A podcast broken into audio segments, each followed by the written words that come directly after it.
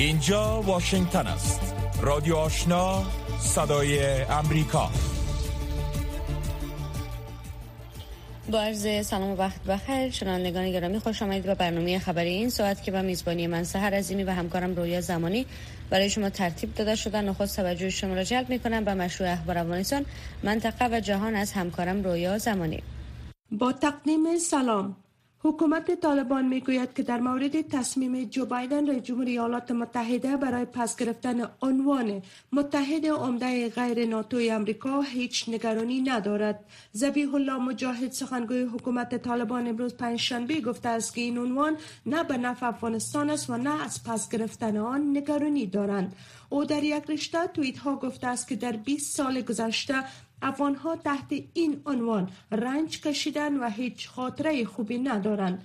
اما سخنگوی طالبان تاکید کرده است که اداره آنها در زمینه دیپلماسی و تجارت می‌خواهد روابط خوب مثبت و قابل اعتماد با همه کشورها داشته باشد. روز گذشته نیز رهبر طالبان در پیام ایدیش گفت که ما به شمول امریکا با تمام جهان در چوکات تعامل و تعهدات متقابل مناسبات دیپلماتیک اقتصادی و سیاسی حسنه و قوی می‌خواهیم و آن را به خیر تمام جهتها می‌دانیم.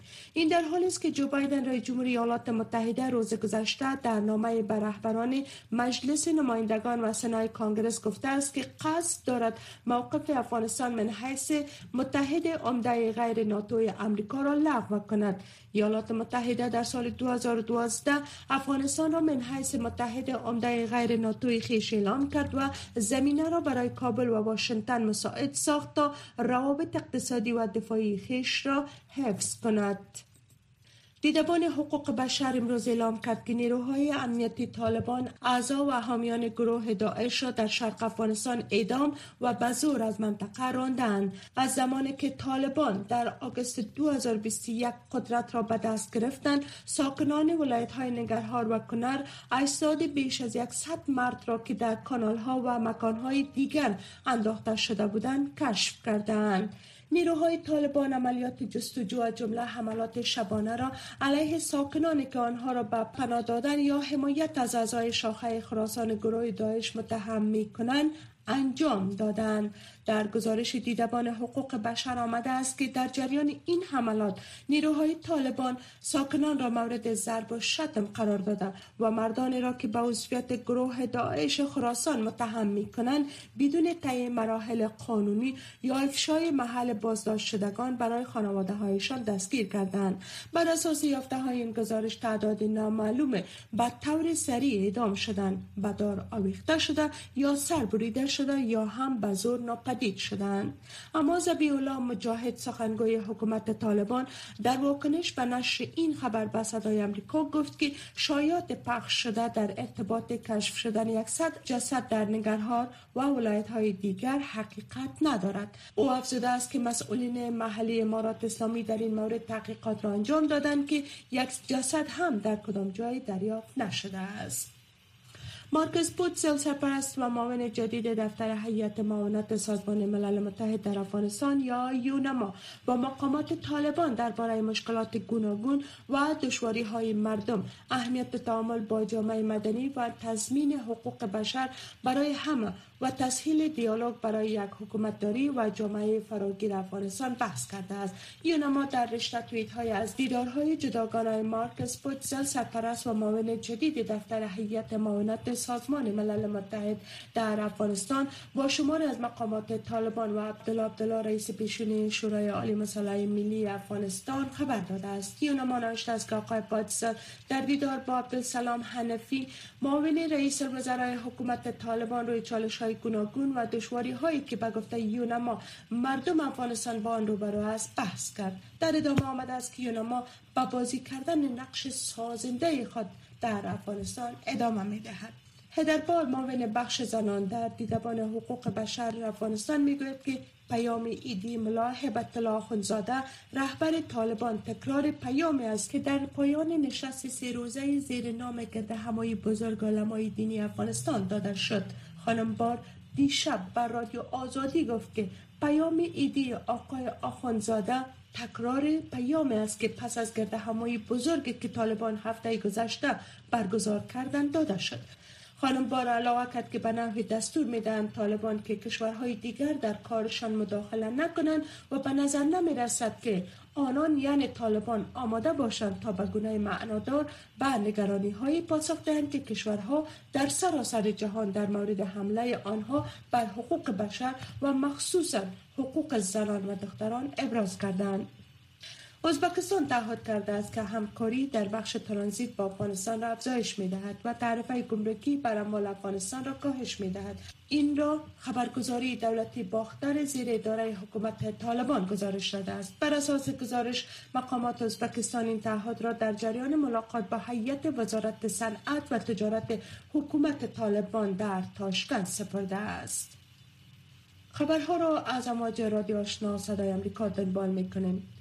دیمیتری مدیدوف رئیس جمهور پیشین روسیه می‌گوید که تلاش های غرب برای تحریم یک قدرت هسته مانند روسیه به دلیل جنگ در اوکراین بشریت را با خطر مواجه می سازد این در حالی است که درگیری های نزدیک به پنج ماه شهرهای اوکراین را ویران و هزاران تن را به خانمان ساخته است. حمله 24 فوریه روسیه بر اوکراین جدیدترین بحران را در روابط روسیه و غرب به زمان بحران راکتی کیوبا در سال 1962 به بار آورده است. زمانی که بسیاری از مردم حراس داشتند که جهان در آستانه یک جنگ اتمی قرار دارد. رؤسای MI5 و FBI در اولین حضور مشترکشان روز چهارشنبه نسبت به افزایش تهدید دراز مدت چین برای منافع بریتانیا و ایالات متحده هشدار دادند. کن کالم رئیس اداره استخبارات بریتانیا گفت که این سرویس در حال حاضر بیش از دو برابر تلاش های محدود قبلیش را علیه فعالیت های نگران کننده چینایی ها افزایش داده و هفت برابر بیشتر از سال 2018 در این مورد تحقیقات انجام داده است. کریستوفر رای رئیس اداره استخبارات فدرال امریکا گفته است که حکومت چین بزرگترین تهدید دراز مدت برای امنیت اقتصادی و ملی بریتانیا، ایالات متحده و متحدانش در اروپا و جاهای دیگر است. و افزوده است که بیجینگ در تلاش است تا با مداخلت در سیاست ایالات متحده و متحدانش روی کرده جهانی را شکل دهد و شنونده های محترم صدها هزار زایر حج از امروز پنجشنبه پیش از آغاز مناسک سالانه حج از ساحه خانه کعبه در مکه خارج شده. با پای پیاده به سمت منا در حرکت شدند. در مراسم حج امسال یک میلیون نفر شرکت کردند که 850 هزار نفران از خارج عربستان برای ادای فریضه حج رفتند. شرکت کنندگان امسال که پس از همهگیری ویروس کرونا پر جمعیت ترین مراسم حج پنداشته می شود باید کمتر از 65 سال عمر داشته هر دو واکسین کووید را گرفته. و آزمایش کرونا در 72 ساعت سفر به عربستان سعودی نزدشان باید منفی بوده باشد. شنونده های محترم این بود مشروع خبرها تا این لحظه. از امواج رادیو آشنا صدای امریکا. روکو راست. صحبت های داغ صاحب نظران در مورد خبرها و مسائل روز هر شام از ساعت 8 تا 9 شب در برنامه مشترک دری و پشتوی رادیو آشنا صدای امریکا بخش زنده این برنامه را در نشرات ماهواره صدای امریکا نیز دنبال کرده می توانید.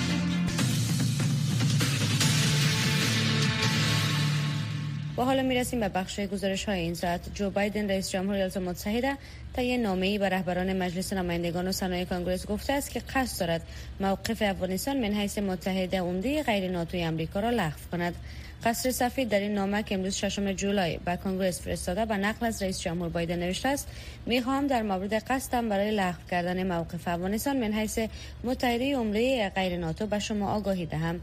ایالات متحده در سال 2012 افغانستان را من حیث متحده عمده غیر ناتو اعلام کرد و زمینه را برای کابل و واشنگتن مساعد ساخت و روابط اقتصادی و دفاعی خیش را حفظ کنند.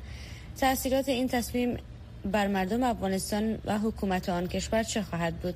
توجه شما را در این مورد با مصاحبه از همکارم فوزی احسان با محترم دکتر حیدر عدل تحلیلگر امور سیاسی جلب می کنم عدل رئیس جمهور بایدن گفته که موقف افغانستان منحیث متحد عمده غیر ناتوی امریکا را لغو می‌کنه به نظر شما چرا رئیس جمهور امریکا یک شبه چنین تصمیم گرفته که این متحد غیر ناتوی خود را از لیست متحدین خود اخراج کنه بله سلام با شما و شنوندگان گرامی برنامه وزین شما.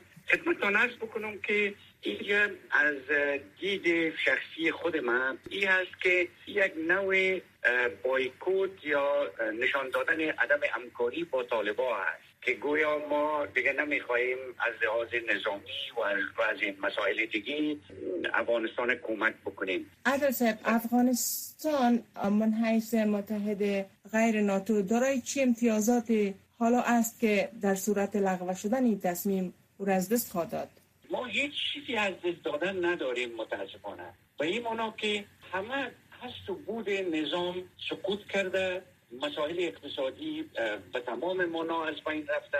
روزنه های امید برای بهبود شرایط زندگی مردم وجود نداره.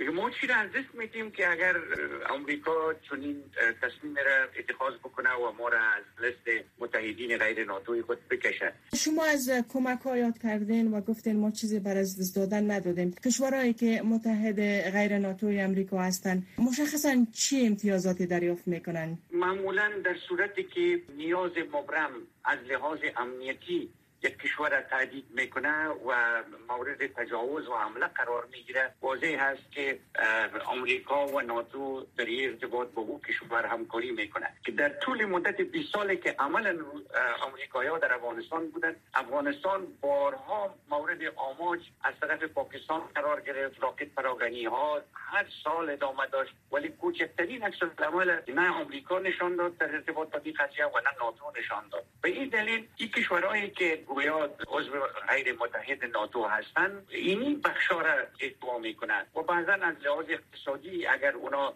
دچار مشکلات میشن واضح هست که ناتو و امریکا و از کمک اقتصادی می‌کنن. اما برای افغانستان ما چیزی قابل ملاحظه که واقعا سر از حساب بکنیم. نه در طول 20 سال وجود داشت و نه از این بعد واضح هست که هیچ نوع امید و همکاری وجود ندارد. پاکستان هم از کشورهای شامل در لیست متحدین غیر ناتوی امریکا است که در همسایگی افغانستان است. همیشه مردم افغانستان فکر می‌کنن که پاکستان در امور افغانستان مداخله می‌کنه و متهم می‌کنن که حالا هم طالبان رهبریش تمام دستوراش از رهبری پاکستان می‌گیره. شما فکر می‌کنین در این مورد چی تاثیراتی خواهد داشت؟ این تصمیم؟ خدمتتون عرض بکنم که با این تصمیم دست پاکستان بیشتر دراز میشه در قضایای افغانستان و جرحت بیشتر پیدا می‌کنه تا مداخله مستقیم. گرچه دارن همین لحظه هم مداخله مستقیم دارن. حتی مردم تبصره های دارن در ارتباط به این که سفیر پاکستان در افغانستان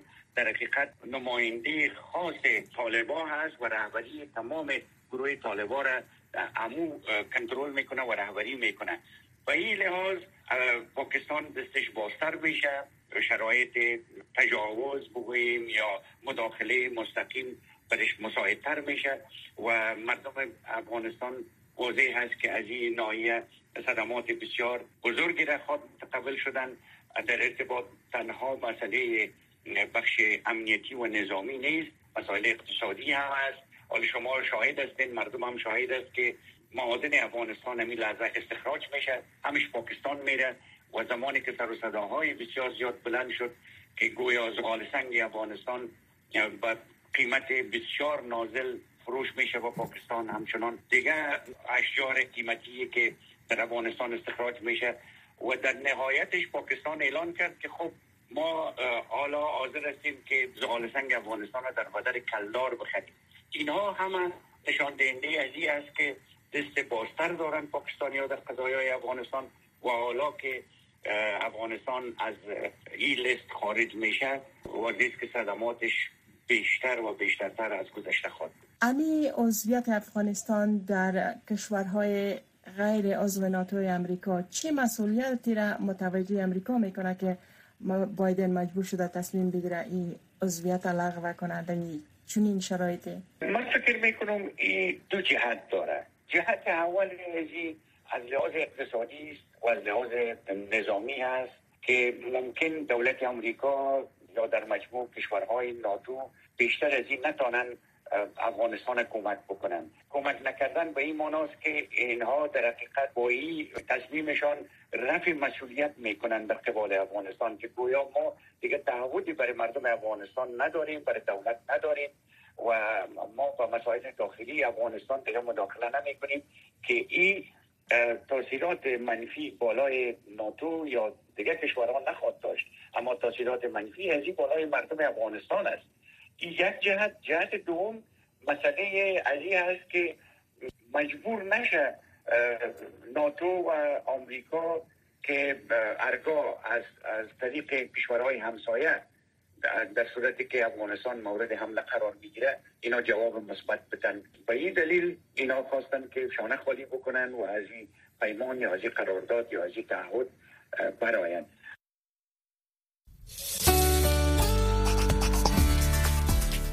شنوندگان گرامی رادیو آشنا صدای امریکا نشرات رادیو آشنا را در موج متوسط 1296 موج کوتاه 11575 اشاری سفر و در موج 972 کیلوهرتز شنیده می توانید. معاون نماینده ویژه سرمنشی سازمان ملل متحد در افغانستان در دیدار با مقام های ارشد حکومت طالبان آمادگی خود را برای هموار ساختن زمینه گفتگو میان حکومت و نمایندگان همه اقشار ابراز داشته است. امیرخان متقی سرپرست وزارت خارجه طالبان ابراز امیدواری کرده که هیئت نیونما در روابط افغانستان و جهان نقش مثبت و تعامل سازنده را داشته باشند. جزئیات بیشتر در این گزارش. مارکوس پوتزل معاون تازه گماشته شده هیئت معاونت سازمان ملل متحد در افغانستان با ملا عبدالسلام حنفی و مولوی عبدالکبیر معاونان رئیس الوزراء و امیرخان متقی سرپرست وزارت خارجه طالبان به گونه جداگانه ملاقات کرده است. چارش های موجود فراراه افغانستان تقویت حقوق بشر مشکلات شهروندان این کشور اهمیت تعامل با جامعه مدنی و تضمین حقوق بشر برای همه از موارد اند که به نقل از اعلامیه یونما در این ملاقات ها مطرح شده است آقای پوتزل گفته است که نداره به نقش سازنده اش برای حل مشکلات موجود در این کشور ادامه خواهد داد معاون یونما در دیدار با امیرخان متقی سرپرست وزارت امور خارجه حکومت طالبان به وی در زمینه تسهیل گفتگوها برای جامعه فراگیر افغانستان اطمینان داده است. حافظ یا احمد تکل معاون سخنگوی وزارت خارجه طالبان در مورد این دیدار گفت د چارو وزیر د یونما لنوی سرپرست څخه د وزیر امور خارجه برای سرپرست جدید یونما آرزوی ماموریت خوب کرد و افزود که انتظار دارد هیئت یونما در افغانستان در روابط افغانستان و جهان نقش مثبت و تعامل سازنده را داشته باشد. مارکوس پوتزل پس از انتصاب از سوی سرمنشی سازمان ملل متحد به عنوان معاون نماینده ویژه وی در افغانستان این هفته وارد کابل شد. آقای پوتزل پیش از این سفیر آلمان در افغانستان و نماینده ویژه این کشور در افغانستان و پاکستان بود. مأموریت جدید پوتزل در افغانستان در حال آغاز می شود که هنوز طالبان کرسی افغانستان در سازمان ملل متحد را به دست ندارند. احمد شاهین تحلیلگر سیاسی گفت که 20 سال قبل یونما حمایت کشورهای منطقه و فرامنطقه را در مسئله افغانستان با خود داشت. اما اکنون حمایت این تیف کشورها را کامل ندارد و در حال حاضر مأموریت یونما در افغانستان محدود به چند مورد می شود یونما چند سوره تکرار می‌کنه. حکومت فراگیر و مسئله حقوق بشری و همچنان تاکید روی مسئله حقوق زنان است که ای هم توسط کشورهای منطقه و هم توسط ناتو و یا اروپا و آمریکا یا ایالات متحده امریکا در افغانستان این بسیار زیاد تکرار میشه و طالبان تا کنون در برابر این مسئله مقاومت دارند. رضا قاسمی کارشناس روابط بین الملل گفت که نقش یونما در مسئله افغانستان مشورتدهی به دولت متمرکز به حمایت از های صلح عدالت و ارائه های بشری است. و گفته آقای قاسمی حضور یونما به عنوان چشم و گوش سازمان ملل متحد و شورای امنیت آن سازمان در افغانستان حیاتی است. دیدارهای آقای پودزل مخصوصا در پی سفرهای مقامات طالبا به قطر و آسیای میانه صورت می‌گیره. و از سوی دیگر آقای پودسل با نظر داشت شناخت علمی و عملی طولانی که از بافت های اجتماعی و سیاسی افغانستان و منطقه داره ممکن در تلاش باشد تا فضای به شدت خشن و نامطلوب امنیتی سیاسی و حقوق بشری در افغانستان را تلطیف بکنه. اما آقای قاسمی افزود که با توجه به عملکرد طالبان در مدت کمتر از یک سال گذشته و پیشینه این گروه در دو دهه قبل به همه واضح می کند که تلاش های نه تنها بلکه هیچ یک از کشورها نمی تواند مسمر باشد. زیرا به گفته آقای قاسمی طالبان با راه اندازی نشست بزرگ علما و آنچه به عنوان قطنامه در پایان این نشست نشر شد تمام امیدها را در تعامل با جهان و همچنان سهم ساختن مردم در امور کشور را نقش بر آب کردند. با این حال معاون دفتر هیئت معاونت سازمان ملل متحد در حال به مقامات طالبان برای حل مشکلات افغانستان وعده همکاری داده است که پس از تغییر نظام در اگست سال گذشته نظام اقتصادی افغانستان رو به فروپاشی است و در رابطه به اعمال محدودیت های طالبان را راه کار و آموزش زنان و دختران نگرانی های جدی وجود دارد. از همین رو هیچ کشور هنوز حکومت طالبان را به رسمیت نشناخته است. هفت روز هفته با رادیو آشنا صدای امریکا. ازبکستان روز سهشنبه پنجم جولای گفت که پنج راکت از قلمرو افغانستان بالای این کشور پرتاب شده است اما هیچ یک از این راکت ها انفجار نکرده است. وزارت خارجه ازبکستان همچنین گفته است که در اثر این اصابت هیچ کس آسیب ندیده است. برای بحث بیشتر در مورد حملات راکتی اتفاق شده بر ازبکستان من سهر عظیمی مصاحبه با آقای آریان شریفی استاد در دانشگاه پرنستن و تحلیلگر سیاسی داشتم که توجه شما را به آن جلب می‌کنم. آن در حقیقت تلفیقی از چند تا گروه منطقه‌ای است که در اون حداقل سه گروه تروریستی پاکستانی تحریک طالبان پاکستان جیش محمد و سپاه صحابه هست. و چهار اقلا چهار گروه تروریستی منصوب بر آسیای میانه در او شریک است. یکیش جنبش اسلامی ترکستان شرقی است اویغورای چینایی هستند. دوم جنبش اسلامی ازبکستان یا IMU هست. و دو گروه تروریستی منصوب به کشور تاجیکستان که جماعت انصارالله و جندالله هست. اینا همش تحت پوشش داعش خراسان فعلا در افغانستان فعالیت دارد هدف عمومی این گروه ها افغانستان نیست. هدف اساسی اونا ای هست که اینا همون ایده افراطی خود را بتوانند به آسیای میانه صادر بکنن و در اون کشورها بتوانند بالاخره دست بیابند و ایجاد نظام های افراطی مثل طالب ها در کشورهای خود. و راه رسیدن به او را استفاده از تاکتیک تروریسم می‌دانند بنابراین هدفشان کاملا مشخص است. و من در یک شک ندارم که در راکت های پرتاب شدن از طرف دایش خراسان داره که در پرتاب این نوع حملات که صورت می‌گیره ازبکستان روابط خوبی با طالبان داشته باشه و حاکمیت و از حاکمیت گروه طالبان حمایت کنه. با در نظر داشته که شما اشاره به گروه های تروریستی متفاوت در او ساحه کردن خب اول خب ما فکر می‌کنم که طالب ها قدرت مبارزه با معنی را علیه تروریسم ندارن. خصوصا قدرت ایره که داعش خراسان را بتوانند از بین ببرند و تهدیدش را علیه کشورهای منطقه و جهان از بین ببرند این قدرت طالبان دارن دو سر روابط ازبکستان با طالبان شما ببینید ماهیت ماهیت نظامی که فعلا در افغانستان حاکم هست با آنچه در ازبکستان و تاجیکستان و قزاقستان و سایر کشورهای آسیای میانه هست وفت نداره اساسا نداره. کشورهای آسیای میانه همگی حکومت های سکولار دارند در حالی که افغانستان فعلا تحت یک نظام کاملا افراطی اسلامی هست. برن اساسا اینا وفت ندارن. اگر هم تا حال در چند ماه گذشته مراودات عادی کمی بین افغانستان و بین کشورها وجود داشته ممکن از روی جبر بودن. ولی در دراز مدت اگر ببینیم با آنچه که طالب ها در افغانستان دارن و آنچه طالب ها در افغانستان و حتی در منطقه می‌خواهند پیاده بکنن اون وفق ندارد با آسیای میانه از این لحاظ ما فکر که روابط دیپلماتیک بین دولت ازبکستان و اون نظامی که فعلا تحت رهبری طالب ها در افغانستان قرار دارد او بتونه تداوم پیدا بکنه به هیچ وجه. رهبری طالبان و وزارت خارجه طالبان خواهان داشتن روابط متعادل با دیگر کشورها هست. اما تا هیچ کشور این حاکمیت طالبان را به رسمیت هم نشناخته. و نظر شما دلیل اصلی در چیز که این گروه هنوز مورد قبول بسیار از کشورها و شمول کشورهای متهم به حمایت از این گروه هستند قرار نگرفتن آنچه فعلا طالب ها در افغانستان دارن و بر تداومش اصرار میورزن نه تنها قابل قبول برای مردم افغانستان نیست برای منطقه نیست برای جامعه جهانی هم او چیز نیست. برای اینکه آنچه اونا می‌خواین و پاکشاری بر تداومش دارن اصلا وفق با وضعیت جهانی امروزی ندارن. شما ببینید مسئله حقوق زن دسترسی خانم ها به مکتب و به صحت و به کار و اینا. موضوعات بسیار عادی برای طالب ها تا زمانی که نتوانند مشروعیت داخلی را به دست بیارن به هیچ وجه نمی‌توانند اونا شناخت بین المللی دست بیارن اونا باید تن در بتن به ساختن یک نظام همه قبول و همه شمول در افغانستان اون مشروعیت مردمی داشته باشن و بر اساس اون مشروعیت مردمی شناخت بین المللی برشان برسه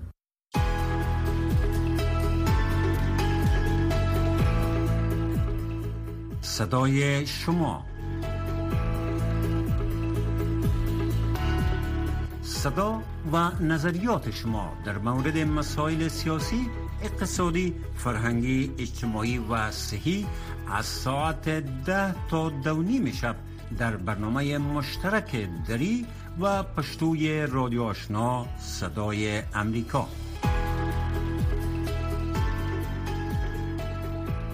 پس از اعلام تصرف کامل بر شهر لوهانسک در اوکراین نیروهای روسی بر سایر شهرها و قریه این کشور حملات هوایی خود را شدت بخشیدند که در 24 ساعت گذشته بر علاوه خسارات مالی تلفات جانی را نیز در پی داشته است و مطلبی در این رابطه از همکارم قدیر مشرف توجه کنید. اولی سنهیوبوف والی منطقه خارکیف چهارشنبه در صفحه تلگرام خود از حملات میزایل نیروهای روسی بر مناطق مختلف این منطقه خبر داده گفته است که در آن حملات یک نفر کشته و سه تن دیگر به شمول یک کودک مجروح شده است. نزدیک به خط مقدم جبهه و در قریه متروکتر شهر نخستین گروه های امدادرسان با آوار فرو ریخته یک پنتون برخورد کردند که یک شبه ویران شده است. صفحات کتاب و کتابچه در میان آتش سوختند با گفته والی در جوار ساختمان پنتون ثبت نام برای صفوف اردو صورت می گرفت ایریانا تیهونیونا استاد در پنتون میلی پیتاگوژی خارکیف در حالی که اشک میریخت به خاطر ویران شدن نهاد تحصیلیشان ابراز تحسف می کند. چگونه احساس خواهید داشت وقتی در این نهاد که اکنون ویران شده شما تحصیل کرده باشید؟ من در سال 1984 شامل پانتون شدم و در این پانتون تقریبا چهل سال است که کار می کنم چگونه احساسی خواهم داشت؟ احساس درد می کنم یوری بوچوک رئیس پانتون ملی پیداگوژی خارکیف از دور ناظر ویرانه است که یک شبه اتفاق افتاده است. طوری که معلوم میشه اونا همه چیز به ایران می‌کنن. نه تنها نهادهای آموزشی بلکه در کل تمام زیربناهای ما را هدف قرار میتن ساختمان های تجارتی و مسکونی مکاتب ابتدایی و متوسطه پانتون ها نیز اکنون زیر این حملات که اکنون در کشور ما در جریان است قرار می‌گیرند. این حمله نشان می دهد که این شهر واقع در نزدیکی مرز روسیه با وجود گذشت پنج ماه از تهاجم مسکو هنوز دور است تا طعم آرامش را بچشد. وزارت دفاع روسیه گفته است که نیروهای هوایی آنان صد سرباز اوکراینی را در این محل کشته و چهار واسطه زیرهی را در خارکیف تخریب کردند. با این حال ویتالی کم والی ولایت میکولایف روز چهارشنبه گفت که یک ذخیره‌گاه مواد ارتزاقی هدف حملات اردوی روسیه قرار گرفته که دو کشته و هشت مجروح به جا گذاشته است. تا امروز 6683 ساختمان تخریب یا خسارتمند شده که در آن 4362 ساختمان مسکونی بود. تا همین اکنون 97 ساختمان برق و آب نداشته و سیستم فاضله آن تخریب شده. اما تلاش می‌کنیم تا این تسهیلات را دوباره احیا کنیم. پس از اعلام تصرف منطقه لوهانسک در اوکراین توسط ولادیمیر پوتین رئیس جمهوری روسیه ولی این منطقه گفت که هنوز این ساحه به گونه کامل تصرف نشده و جنگ های شدید در برخی قریه های لوهانسک ادامه دارد. دورتر از میدان جنگ و فضای دود بارود تاتیانا بوریسیاک باشنده شهر ویرهوفنیانا در غرب اوکراین که از سال 2008 بدین سو در ایالات متحده به عنوان دکتر ایفای وظیفه می کند از آغاز تهاجم روسیه با خانواده ها و سایر اوکراینی هایی که از جنگ فرار کرده بودند کمک کرده و به آنها تسهیلات فراهم کرده است. وضعیت اوکراین همه ما را متاثر ساخته است. همه ما به نحوی باعث در این امر کمک به نیازمندان سهیم شویم. هنوز هم به کمک نیاز داریم. تا بر این شر ایجاد شده غلبه کرده و به صلح برسیم. اکنون بوریسیاک مصمم است در ماه اگست کمک های بیشتری تیبی را به منطقه غرب اوکراین بفرستد. در حالی که پنج ماه از جنگ اوکراین میگذرد وزیر دفاع روسیه روز چهارشنبه گفت که این جنگ تا دسترسی به اهداف سرقمندان علای روسیه ادامه خواهد داشت.